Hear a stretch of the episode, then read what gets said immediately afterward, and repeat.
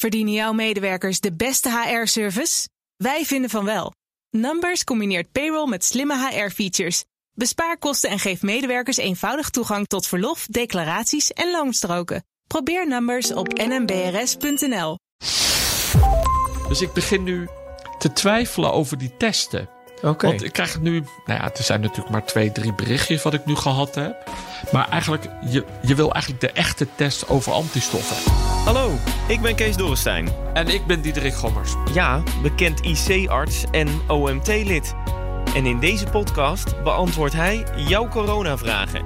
Stuur je vragen naar me op via WhatsApp 06 8370 9229, via de mail gommers.bnr.nl of via Instagram BNR Nieuwsradio. Dan leg ik ze aan hem voor. Vraag het. Gommers. Goed dat je er weer bij bent, dat je luistert, dat je misschien wel vragen hebt gesteld. Eh, bijvoorbeeld een vraag over wat de verwachtingen zijn voor aankomende herfst en winter. En ehm, moeten we nou ook echt jonge mensen gaan vaccineren? Onder de 18. En een opvallend verhaal over zwangere vrouwen. Kijken of dat nou precies klopt. Maar allereerst, Diederik, eh, jij moet hartstikke vrolijk zijn. Onder de 300 zitten we nu op de IC. Ja, absoluut. En vooral dat het zo lekker weer is. Eh, Ja, dat ik is heb wel fijn, hè? afgelopen week nog nooit zoveel buiten gezeten. Je Nou, bent ook heel bruin. Dank je. Maar ondergaande zon zitten kijken. En ik had elke avond... Ik heb alleen maandagavond nog een vergadering gehad van de NVC. Maar de alle andere avonden was ik vrij. Nou, dat, was, dat is echt een uitzondering. Dus, Wat heerlijk. Geen Ja. talkshows meer of dat Nee, soort niks dingen. meer. Heerlijk. Niks meer. Gaan we je nog wel zien in de talkshows? Ik hoop van niet. ik heb ook mijn vrouw gevraagd. eh, zorg ervoor dat ik niet ergens toch hier weer ja zeg. Echt waar. maar we gaan het zien. Dus als we je ergens weer bij Bo zien zitten of bij Umberto, dan moeten we jouw vrouw de schuld geven. Zij luistert dit nu en denkt, ja, krijg nou wat. eh, wat zeg je nou? Nee, nee, nee. Ze zeggen, ja, maar jij zegt gewoon te makkelijk ja. Dus Ja. ik heb nu gezegd, eh, nou, dan moet je me helpen. Perfect. Dan heb ik een allereerste vraag van Jorn. Hij zegt, ik ben 31 mei geopereerd. Op de 27e, een paar dagen daarvoor, werd ik getest. Of in ieder geval zou ik getest worden eh, als een soort van preventief corona-onderzoek. Maar ik werd afgebeld en ze zeiden, het is niet nodig. Nu zit ik een paar dagen na zijn operatie, dat heeft hij afgelopen week gestuurd, ben ik uiteindelijk toch positief getest op corona. En de grote kans dat ik dat dus in het ziekenhuis heb opgelopen. Moeten ziekenhuizen niet allemaal gewoon preventief mensen testen op corona voordat ze geopereerd worden? Ja, eh goede vraag. Ehm, en je moet voorstellen dat beleid is iedere keer anders geweest. Maar dat heeft vooral te maken met de hoeveelheid besmette, besmettingen. Dus hoe groot is het risico dat mensen besmet raken? En toen die besmettingengraad hoog was, toen hebben we als ziekenhuizen zeker rond de operaties ook wel getest.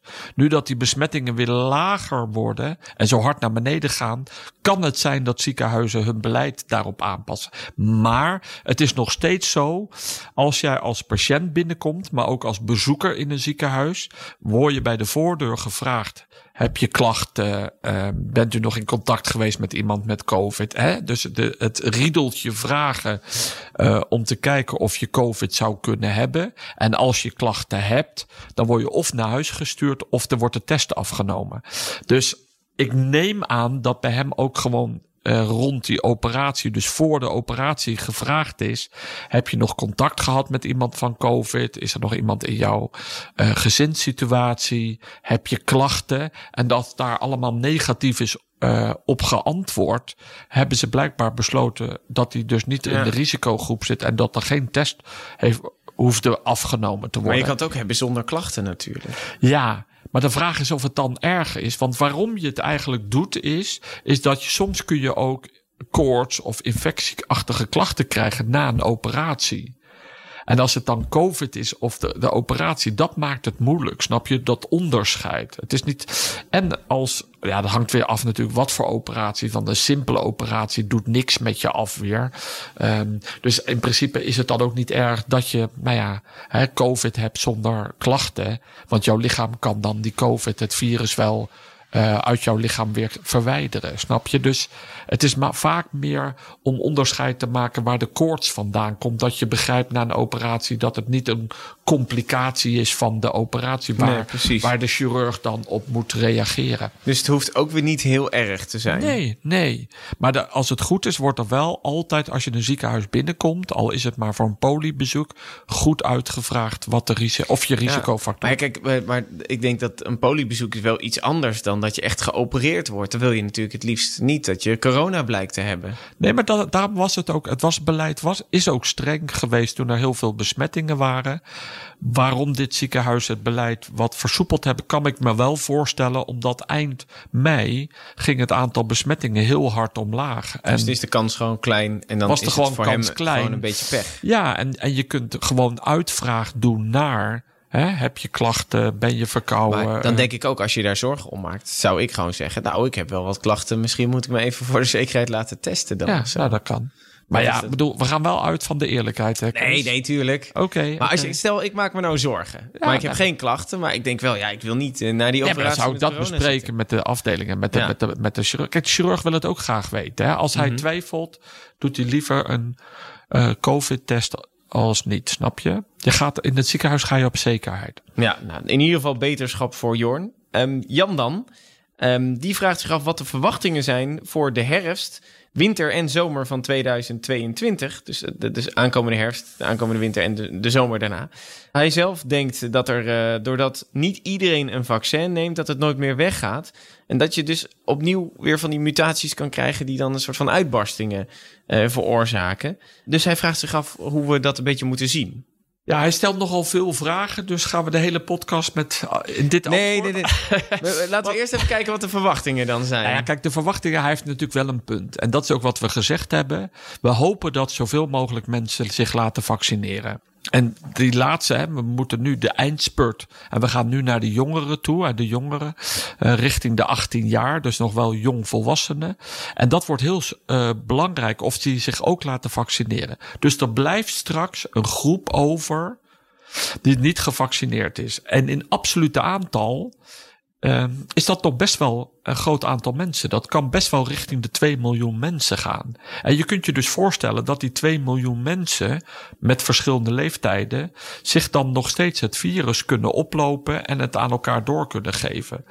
Wat dan belangrijk is, is of je dan contact hebt met een van die 2 miljoen mensen. Snap je? En als heel veel mensen gevaccineerd is, dat, dan is de kans dat jij een besmettelijk iemand tegenkomt, wordt kleiner. Ja, maar ik denk wel dat er ook regio's zijn waar heel veel mensen eh, zich niet laten vaccineren. Ja, maar het gaat. Ik bedoel, ik of je, je hebt prachtige kaartjes nu van de RIVM. En laten ze zien hoeveel percentage mensen gevaccineerd zijn. En het is echt ongelooflijk mooi om te zien hoe groot gedeelte van Nederland gevaccineerd is.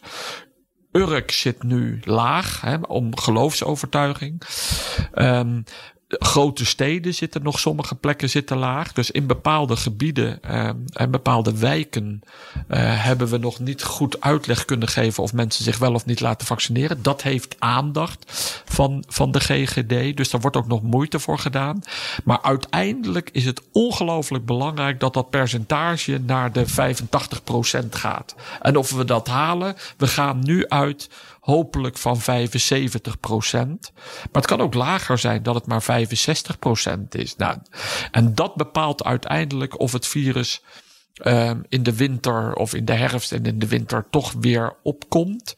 Um, daar, daar worden modellen voor gemaakt voor het reproductiegetal. Je weet dat je lokaal uitbraakjes zal krijgen. Maar het valt of staat dus of er voldoende mensen zijn die niet gevaccineerd zijn. Of die toch het vaccin hebben gekregen, maar waar het niet meer goed werkt. Want je moet je ook voorstellen dat de ouderen, daar zijn we mee begonnen in februari, maart. En die, daar gaat ook, hè, we weten daarvan dat het aantal antistoffen weer langzamer gaat afnemen. Ja, dan denk ik ook, die Indiaanse variant komt eraan.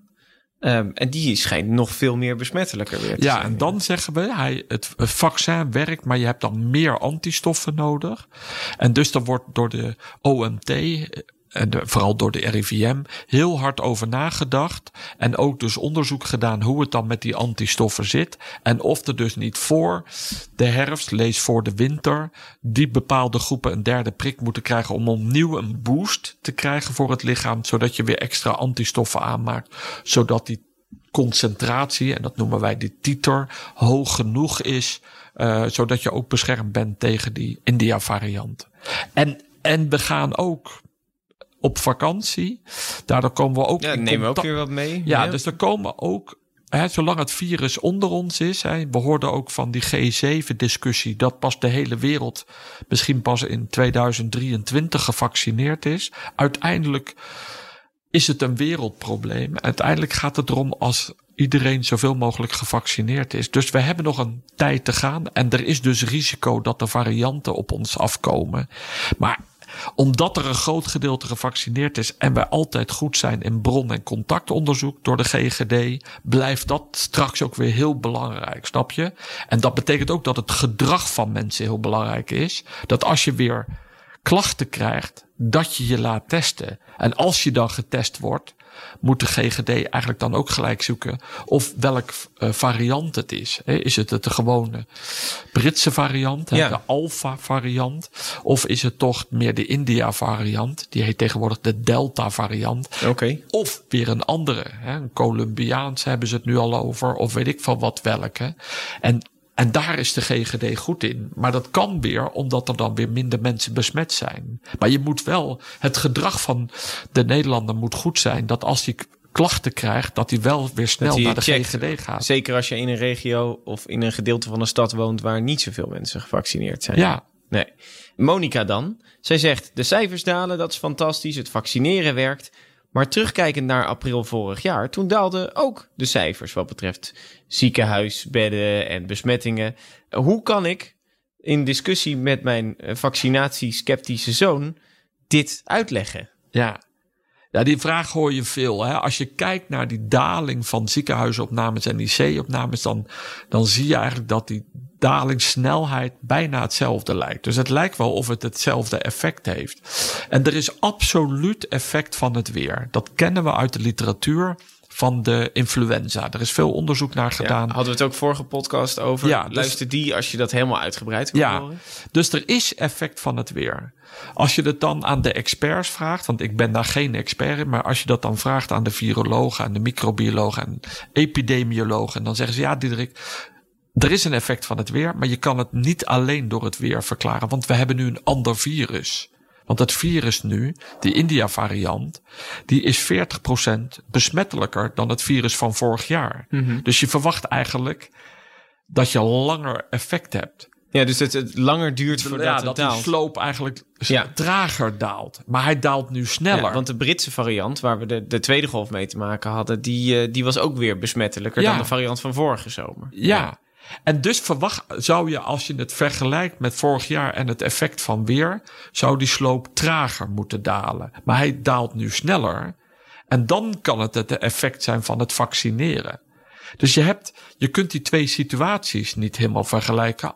Behoudens dat het mooier weer geworden is. En dit jaar werd het ook een maand later mooier weer dan vorig jaar. Ja. Nou, maar dat is wel gewoon interessant. Dus je ziet dingen gebeuren en dat, daar gaan die epidemiologen echt onderzoek naar doen. Maar op dit moment kunnen we niet precies zeggen, ja, dat komt door dit of dat.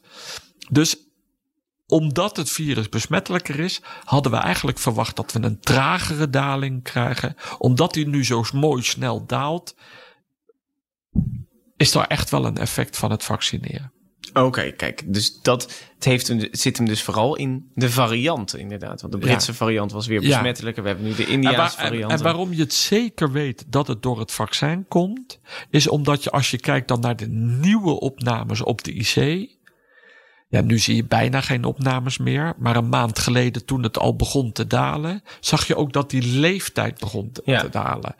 En dan kan je zeggen, ja, maar die, die groep die ouder was, die was gevaccineerd. Maar die zagen we niet meer komen op de IC.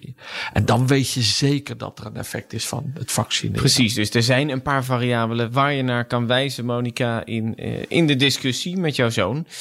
Boy dan, eh, hij zegt, aangezien nu het hooikoortsseizoen begint, Is het dan verstandig om hooikoortsremmers eh, te nemen? Antihistamine, levocitrizine, volgens mij zeg ik het goed. Ehm, aangezien dit invloed heeft op je immuunsysteem. Want straks moet je een vaccin en dan eh, werkt je vaccin minder omdat je hooikoortsremmers gebruikt. Ja, nou kijk, we hebben al vaker gezegd, het immuunsysteem is echt heel complex en er zijn allerlei factoren.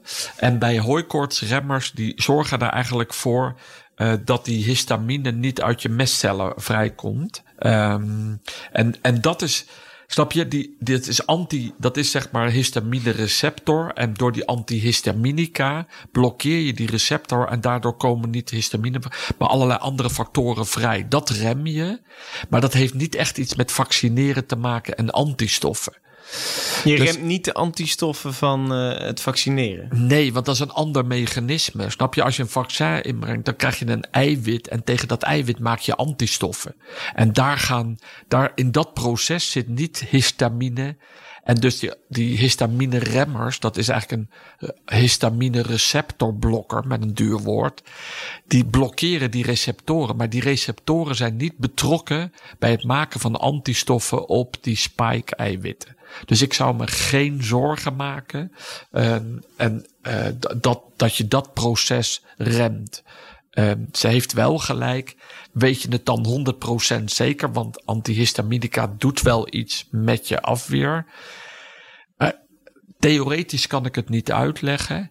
Daarnaast heb je gewoon klachten van je hooikoorts. En vooral is dit het seizoen. Mm -hmm. Ja, en ik zou gewoon zeggen, er is op dit moment geen aanwijzing, er is geen adviezen van de huisartsengenootschap of van de RIVM dat je geen antihistaminica moet nemen.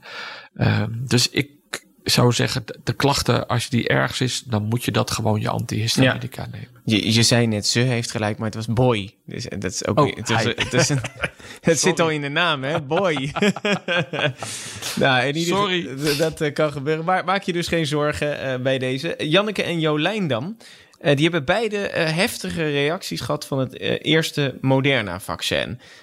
diarree, oorsuizen, zweetaanvallen, dat soort dingen. En nu horen ze vaak dat de tweede prik bij Moderna dan uh, meer bijwerkingen geeft. Zij maken zich een beetje zorgen. Ja, het was al zo heftig, wordt het dan nog heftiger? Ja, jemig. Ja, maar je hoort echt hè, dat sommige mensen hebben echt heftige reacties en zijn daar echt ziek van. Ja. Uh, en andere mensen hebben helemaal niks. Nee, precies. Is, een beetje spierpijn. Dat is ja, het. Of, of soms niet eens dat. Of alleen maar een beetje pijn op de plek. Of helemaal niks gevoeld. En dan maken ze zich ook weer zorgen omdat ze niks gevoeld ja, hebben. Heb ik dan wel dan antistoffen? Doet hij dan iets? Maar um, ja, dus ik kan me helemaal voorstellen dat ze echt denkt van doe mij die tweede prik maar niet. Maar ik zou zeggen ja doe het toch maar wel. Nou ik ben het gaan opzoeken. In de bijsluiter van Moderna staat. Hè, dus als gevolg van bij de mensen die ze toen in de studie zaten voor de registratie. Daar hadden die mensen in de tweede prik meer last dan de eerste prik. Dus meer bijwerking bij de tweede prik. Maar als je op de LAREP-site gaat kijken, hè, dus in, waar je alle, alle Nederlanders hun bijwerkingen uh, registreren, als dat goed is. Hè, dus als je bijwerking hebt, geef het door op die website. Hè, dat kan je aanklikken en dan kan je je bijwerkingen achterlaten. Daar laten ze juist zien dat er bijna 5000 mensen hadden klachten na de eerste prik en 3000 na de tweede prik. Dus daar als ik daarnaar kijk, dan in Nederland is het zo dus dat mensen toch eigenlijk na de tweede prik minder klachten hebben. Dus ik hoop voor hun alle twee dat ze echt minder klachten hebben bij de tweede prik. Omdat hun lichaam er een beetje aan gewend is. Ja, ja. want dat is toch wel het idee. Dat hè, omdat je lichaam uh, antistoffen moet maken, dat sommige mensen een heftige reactie maken, dat je dat als je dat al een keer gehad hebt, dat het meevalt. Maar, maar het klopt niet altijd. Dus laten we duimen voor ze. Ja, precies. En laat het weten na de tweede prik. Ja. Uh, als, je, als je dan in ieder geval nog energie hebt om uh, een berichtje te sturen. Uh, Bernard dan, die zegt in Groot-Brittannië zie je de besmettingen procentueel hard oplopen. Waardoor komt dat en moeten wij ons daar ook zorgen over maken? En ik denk dat hij dan een beetje bedoelt, ja, daar zijn toch al best wel wat mensen gevaccineerd, maar toch lopen die besmettingen op. Ja, Nee, uh, natuurlijk. En zo keken wij ook best angstig naar Engeland. Maar er zijn een aantal dingen die er verduidelijken moet. Uh, het komt vooral voor in bepaalde wijken van bepaalde grote steden. En er komt nu informatie dat die wijken dat daar de mensen slecht gevaccineerd zijn. En daar wonen dan al of niet veel Indiase families. Er gaan ook in Engeland in die wijken veel kinderen naar school en zonder beperkingen. Maar dat doen wij ook. Maar je weet wel dat scholieren zorgen er wel voor dat het virus makkelijk circuleert. Dus hè, dat het veel voorkomt daardoor. Uh, tweede is, in Engeland hebben ze een andere strategie. He, ze hebben zoveel mogelijk mensen de eerste prik gegeven, maar nog niet allemaal de tweede prik. Dus ben je gevaccineerd in Engeland, dan heb je vaak bij nog niet volledig gevaccineerd. Veel AstraZeneca, toch? Dat er echt Ja. twaalf weken dan tussen Ja. zit.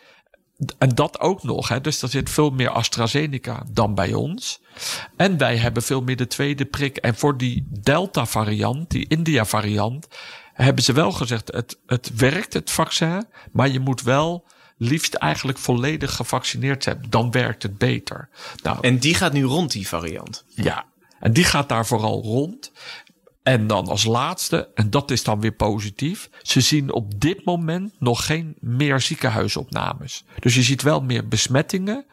Eh, Die nemen Maar ze blijven in ieder geval uit de ziekenhuizen. Ja, tot nu toe. En, dan, en dus ik zou zeggen, het komt doordat in wijken dat er te weinig mensen daar vaccin hebben genomen. Dus weer een, hè, je moet echt proberen je laten vaccineren. Tweede is, ze hebben, als ze gevaccineerd zijn, vaak maar één prik gehad in plaats van twee. Dat is belangrijk. Eh, en ze hebben daar meer AstraZeneca eh, gehad. Eh, maar goed. Maar kan het, kan het niet zo zijn dat het in de zomer dan nog een keer die Indiaanse variant onder jongeren in Nederland heel erg rondgaat? Omdat die dan ook maar ehm, één prik hebben gehad. De, de meesten zullen pas eind augustus, begin september hun tweede prik hebben. Nee, maar dat is ook, ook heel belangrijk. Eh, maar we hopen altijd jongeren hè, dat ze wel besmet kunnen raken. Nou, we hopen niet dat ze besmet kunnen raken. Dat klinkt niet goed. Dit klinkt inderdaad. Nee, niet- maar je, we, weten best. wel dat jongeren besmet kunnen raken, maar gelukkig er niet ernstig ziek van worden. Ehm, maar je, als die, je hebt helemaal gelijk. Als de jongeren, als die India-variant deze zomer naar ons toe komt en zich gaat circuleren onder de jongeren, is er ook wel weer een kans dat een jongere toch bij zijn opa op bezoek komt, die misschien niet gevaccineerd is, of bij zijn vader en moeder, waarvan er één ziek is of medicijnen gebruikt, die niet optimaal eh, eh, antistoffen hebben, en dat ze toch ziek, zieker kunnen worden. Dus wij zullen, we lopen het risico dat we meer, dat er toch mensen ziek raken als gevolg van die India-variant. Dat ligt op de loer. Ja, en maar, dan, dus, maar dan hebben we het over dus jongeren die nog niet goed gevaccineerd zijn. En over ouderen die misschien alweer minder antistoffen hebben omdat ze heel vroeg gevaccineerd zijn. Ja, of mensen die een eh, ziekte hebben, antistoffen, hè, dus of, of eh, Ja, de- een eh, ziek- immuun, immuunsuppressiva, dus eh, Ja. middelen gebruiken om hun afweer te remmen voor hun primaire ziekte. Die mensen zijn mogelijk ook gevoeliger voor die India-varianten. Ja, en is daar dan nog wat tegen te doen? Of? Nou ja, bij klachten eh, echt je melden, omdat de, de GGD dat natuurlijk dan zo snel mogelijk moet indammen. Snap je? Ja. We, we zullen uitbraakjes krijgen. Ja, nou, we en we dat moeten het dan bij- zorgen bij dat we er dan JUS zo, blijft, hè? ja, zo beperkt blijft. En dat dat niet door heel Nederland gaat. Dus, en we zien nu, hè, tot nu toe lukt het ons echt. Er is India-variant al in Nederland. Maar tot nu toe lukt het heel erg om dat beperkt te houden. Ehm, en, en de GGD zit daar bovenop. Oké, nou meld je eh, vooral als je dat dan hebt. Ehm Annemieke, zij zegt ik wil me graag laten vaccineren, jonge vrouw. Eh, maar ik zie ook berichten op het internet dat bijvoorbeeld al 920 vrouwen hun ongeboren baby hebben verloren door een vaccin. Nu weet ik dat er op het internet eh, veel fake news staat. Maar hoe check ik of zo'n bericht klopt? Hoe doe je dat? En hoe doe jij dat? Ja. Ja, ik bedoel, dit, ik bedoel, stel je voor dat dit waar zou zijn. Dan, dan moet dit naar buiten komen. En niet alleen maar op het internet zonder Nee, dat dan de zit krant... dit in het 8 uur journaal en in het RTL Nieuws en eh, Ja. op BNR. Nee, maar ze heeft wel een goede vraag. Want je, je kunt ongelooflijk veel lezen en veel vinden. En hoe, hoe maak je nou het verschil? Eh, wat belangrijk is en wat ik doe, is dat je naar de goede website gaat. Maar dan moet je daar ook vertrouwen in hebben. Maar de RIVM-website, de LAREP-website, het farmacotherapeutisch kompas als je over bijwerkingen. ehm, de, de bekende kranten, hè, de grote kranten, die kunnen zich niet veroorloven om fake nieuws te in te zetten. Snap je? Daar, daar kijken wetenschappers, daar kijken deskundigen mee. Dat wordt heel goed gecheckt. Ook heb je de huisartsgenootschap. Uh, die hebben ook zeg maar informatie, maar dat is vaak iets meer medisch, misschien iets uh, moeilijker te lezen. Maar als ik dingen zoek, dan ga ik daar ook bijvoorbeeld naartoe, want daar hebben de huisartsen goede standpunten over neergeschreven. En dat is denk ik gewoon heel belangrijk, dat je de goede websites opzoekt. En je kunt je echt voorstellen dat de LAREP, die daar hè, voor bijwerkingen is, dat mocht er nou hè, doodgeboren baby's zijn, dan staat dat echt daar op die site. Snap je? En dan komt er echt een waarschuwing dat we hier zo snel mogelijk moeten stoppen. Ja. Nou, uh, omdat ik toch aan het zoeken was op de website, kwam ik ook een bericht tegen dat er 90.000 zwangere vrouwen in de eh, Verenigde Staten al zijn gevaccineerd met mRNA-vaccins. En dat daar geen ernstige bijwerkingen gemeld zijn. Mm -hmm. En dat soort informatie vind je dan op de RIVM-site. Snap je, de RIVM heeft dit nieuws op die web, op hun website gezet.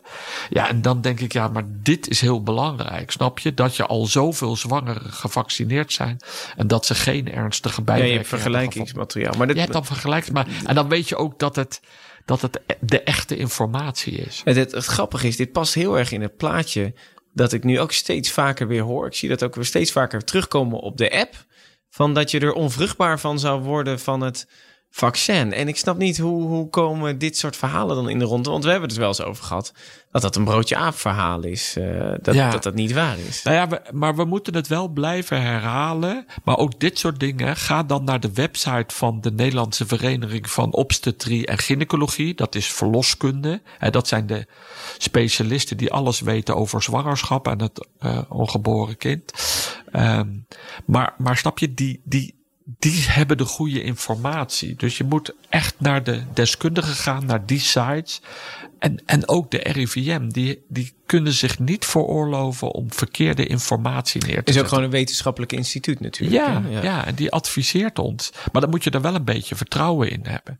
Maar voor mij is dat een belangrijke site.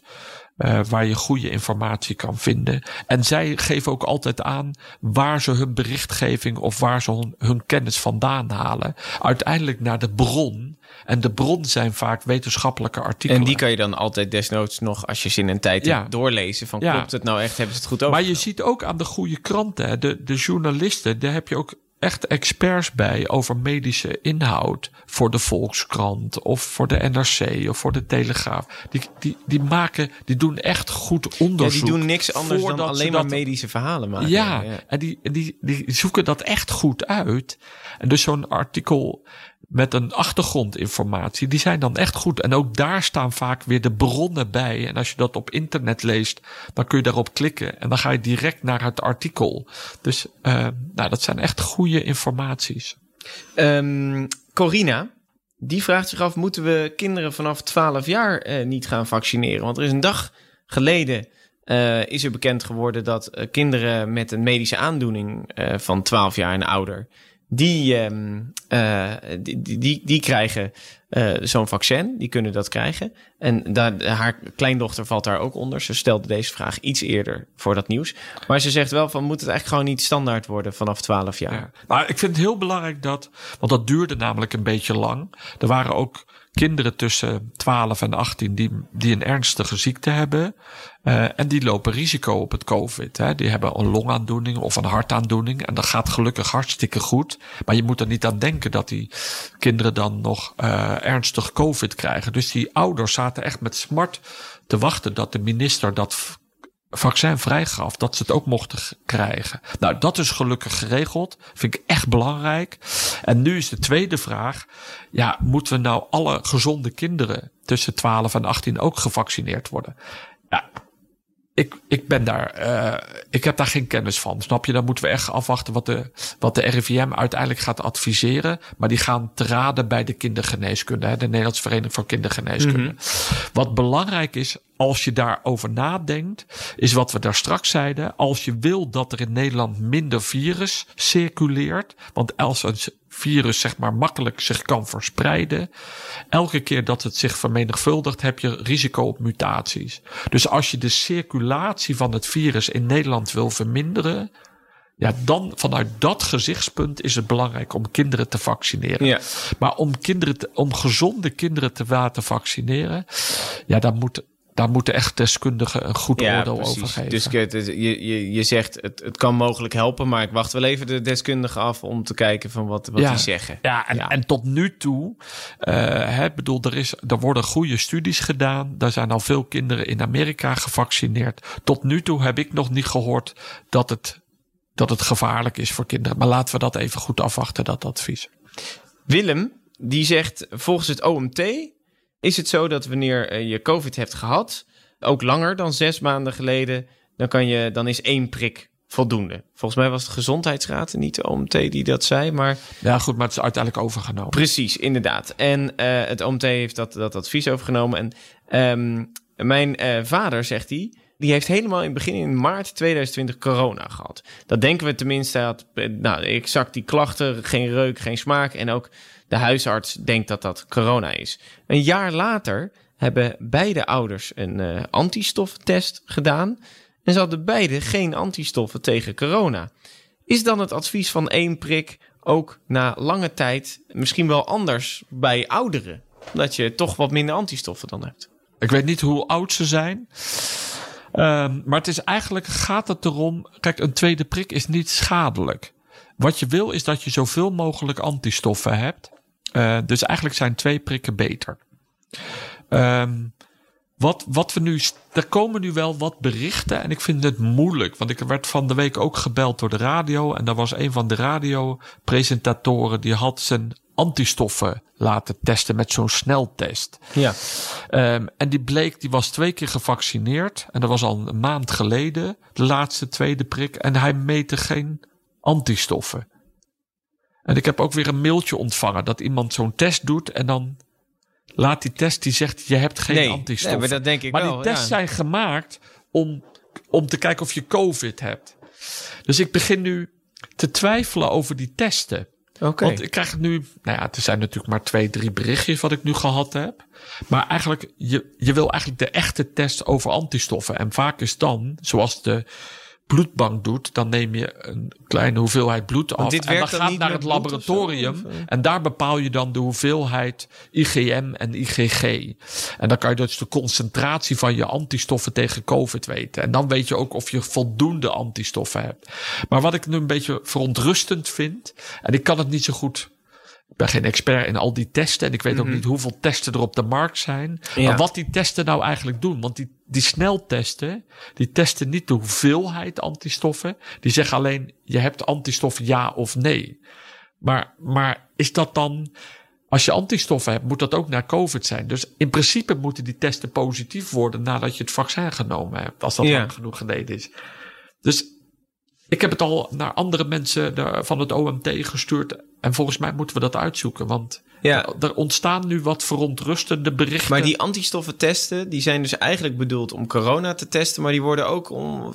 Ja, sommige mensen zeggen ja, bedoel, die test die laat zien, dat staat er ook op, sneltest antistoffen tegen COVID-19. En als je dat dan uitpakt, dan staat er een C'tje voor controle, daar moet een streepje komen. En dan staat er IgM en IgG. En als hij allebei geen streepje zet, ja, dan heb je geen antistoffen volgens dat testje, die thuistest.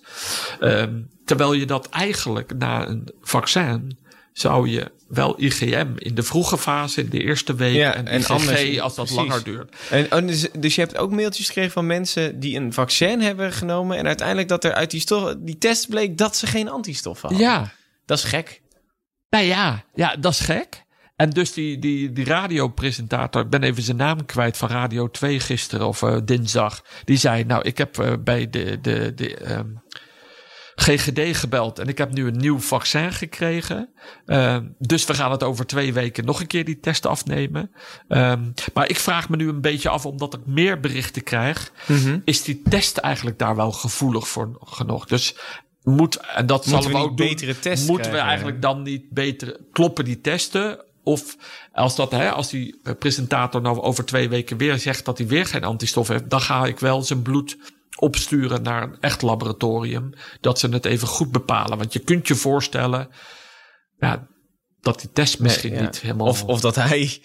Of dat, en- of dat, dat hij en- en helemaal dat geen antistof aanmaakt. Ja, nou, maar hij kan natuurlijk ook bij de groep horen dat je non-responder bent. Hè? Want ik bedoel, je bent niet allemaal een responder. Non-responder, dat ja, je nou, dat je geen niet... eh, antistoffen nee. maakt op de dingen. We hebben natuurlijk gezegd klei- ook dat kleine percentage. dat kleine ja. percentage. Maar ja, bedoel, eh NS1 hoort, kan eventueel horen bij het kleine percentage. Ja, maar jij zou zelf eigenlijk ook zo'n test kunnen doen. Want dat, volgens mij, je, je hebt de, de vaccins gehad. hè. Volgens mij heb je antistoffen dan. Ja, moet ik hebben. Ja, Ja. dus ik kan zo'n testje. Nou, dan moet ik het weekend eens zo'n testje Maar dan zou je eigenlijk eerst zo'n testje en daarna nog in het ziekenhuis een, een, een bloedtest. En dan weet je eigenlijk precies van... Nou, kijk, de als, als je dat echt naar het laboratorium stuurt, dan kunnen ze echt de hoeveelheid antistoffen ook. Dan kun je zeggen Ja. weinig, middelmatig of veel dan over IgG en IgM tegen COVID.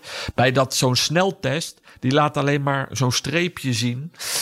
En dan betekent je hebt antistoffen, ja of nee. Ja. En, en ze schrijven ook in de beschrijving ehm, dat dit is een kwalitatieve test. Dus dan heb je IgG of IgM, maar niet of je veel of weinig hebt. Nee. Maar de vraag is, hoe is dat testje? Welk, hoe, test, hoe toont hij nou dat IgG aan? Ja.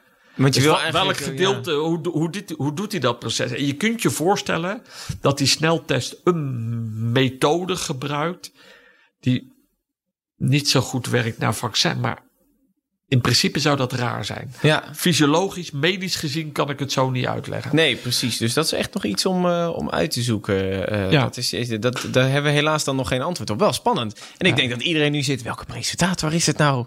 Ja, hoe heet Dat is, je hebt nou? zoveel mannen allemaal op Radio 2 zitten. Hè? Dus, eh, Ja, het was bij de Wild Show en die... ehm, Oh, bij de, bij de Wild. De ene die dat nu vervangt. ja, hoe heet die nou ook ja, hij alweer? heeft zo'n Dat is, aardige stem.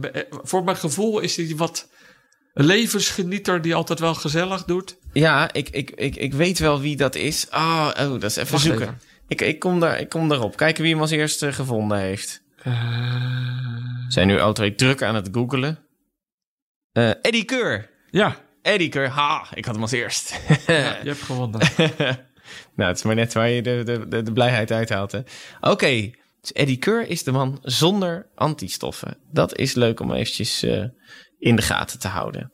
Nou, dan eh, ehm, hebben we de vragen voor deze week. Oh, wat goed. Dat is wel, en, en een hele mooie cliffhanger om te kijken, werken die Ja, tests ja, nou wel of ja, niet? Maar ik weet niet of we dat al de volgende aflevering Ja, maar ik, ga, antwoord ik, ik, vind het wel mooi. Ik ga even zo'n sneltest eh, Ja, bij de drogist halen. dat is, dat is goed. De- dus de sneltest voor antistoffen. Hè? Want je hebt ook de antigeen-sneltest. Mhm. Maar die, die toont alleen virusdeeltjes aan. Ja. Lees eiwitten. Ehm, maar de sneltest antistoffen. Ja, die zou eigenlijk wel positief moeten zijn. Ja. Nou, dat- voor, maar dat voor, de, kunnen- voor de IgG. Dat, kun- dat kunnen we wel afspreken. Dat je die in ieder geval voor volgende Ja. aflevering hebt gedaan. Ja. Volgende vrijdag. Ja, omdat ik neem die test mee, dan doen we het gewoon terwijl Oh, we dat, doen. zijn. dat vind ik goed. Dan, dan doen we dat. En dan, eh, oh, dat wordt een hele spannende aflevering, mensen. Luisteren, Ja, dan moet spannend. jou ook prikken. Want ik heb altijd de neiging als ik mijn vinger moet prikken voor dat bloeddruppeltje, dat ik altijd zo'n teruggetrekkende beweging. Moet ik jou prikken dan? Jeetje, maar ik kan niet zo goed tegen bloed, hè? Dus dan mag je daar de je- show in je eentje verder zetten. Dan doe je zonder. Ja, dat is goed. Heb je zelf een vraag? Je kan hem mailen naar gommers.bnr.nl Of je kan een WhatsAppje sturen naar het WhatsApp-nummer. Daar komt hij bij mij op de telefoon aan. Dat is 06 83 70 92 29. En dan kom je op de lijst en hopelijk worden je vragen al misschien wel volgende week beantwoord. Nou, tot dan. Op naar de drogist, eh, Diederik. Ja, gaan we doen.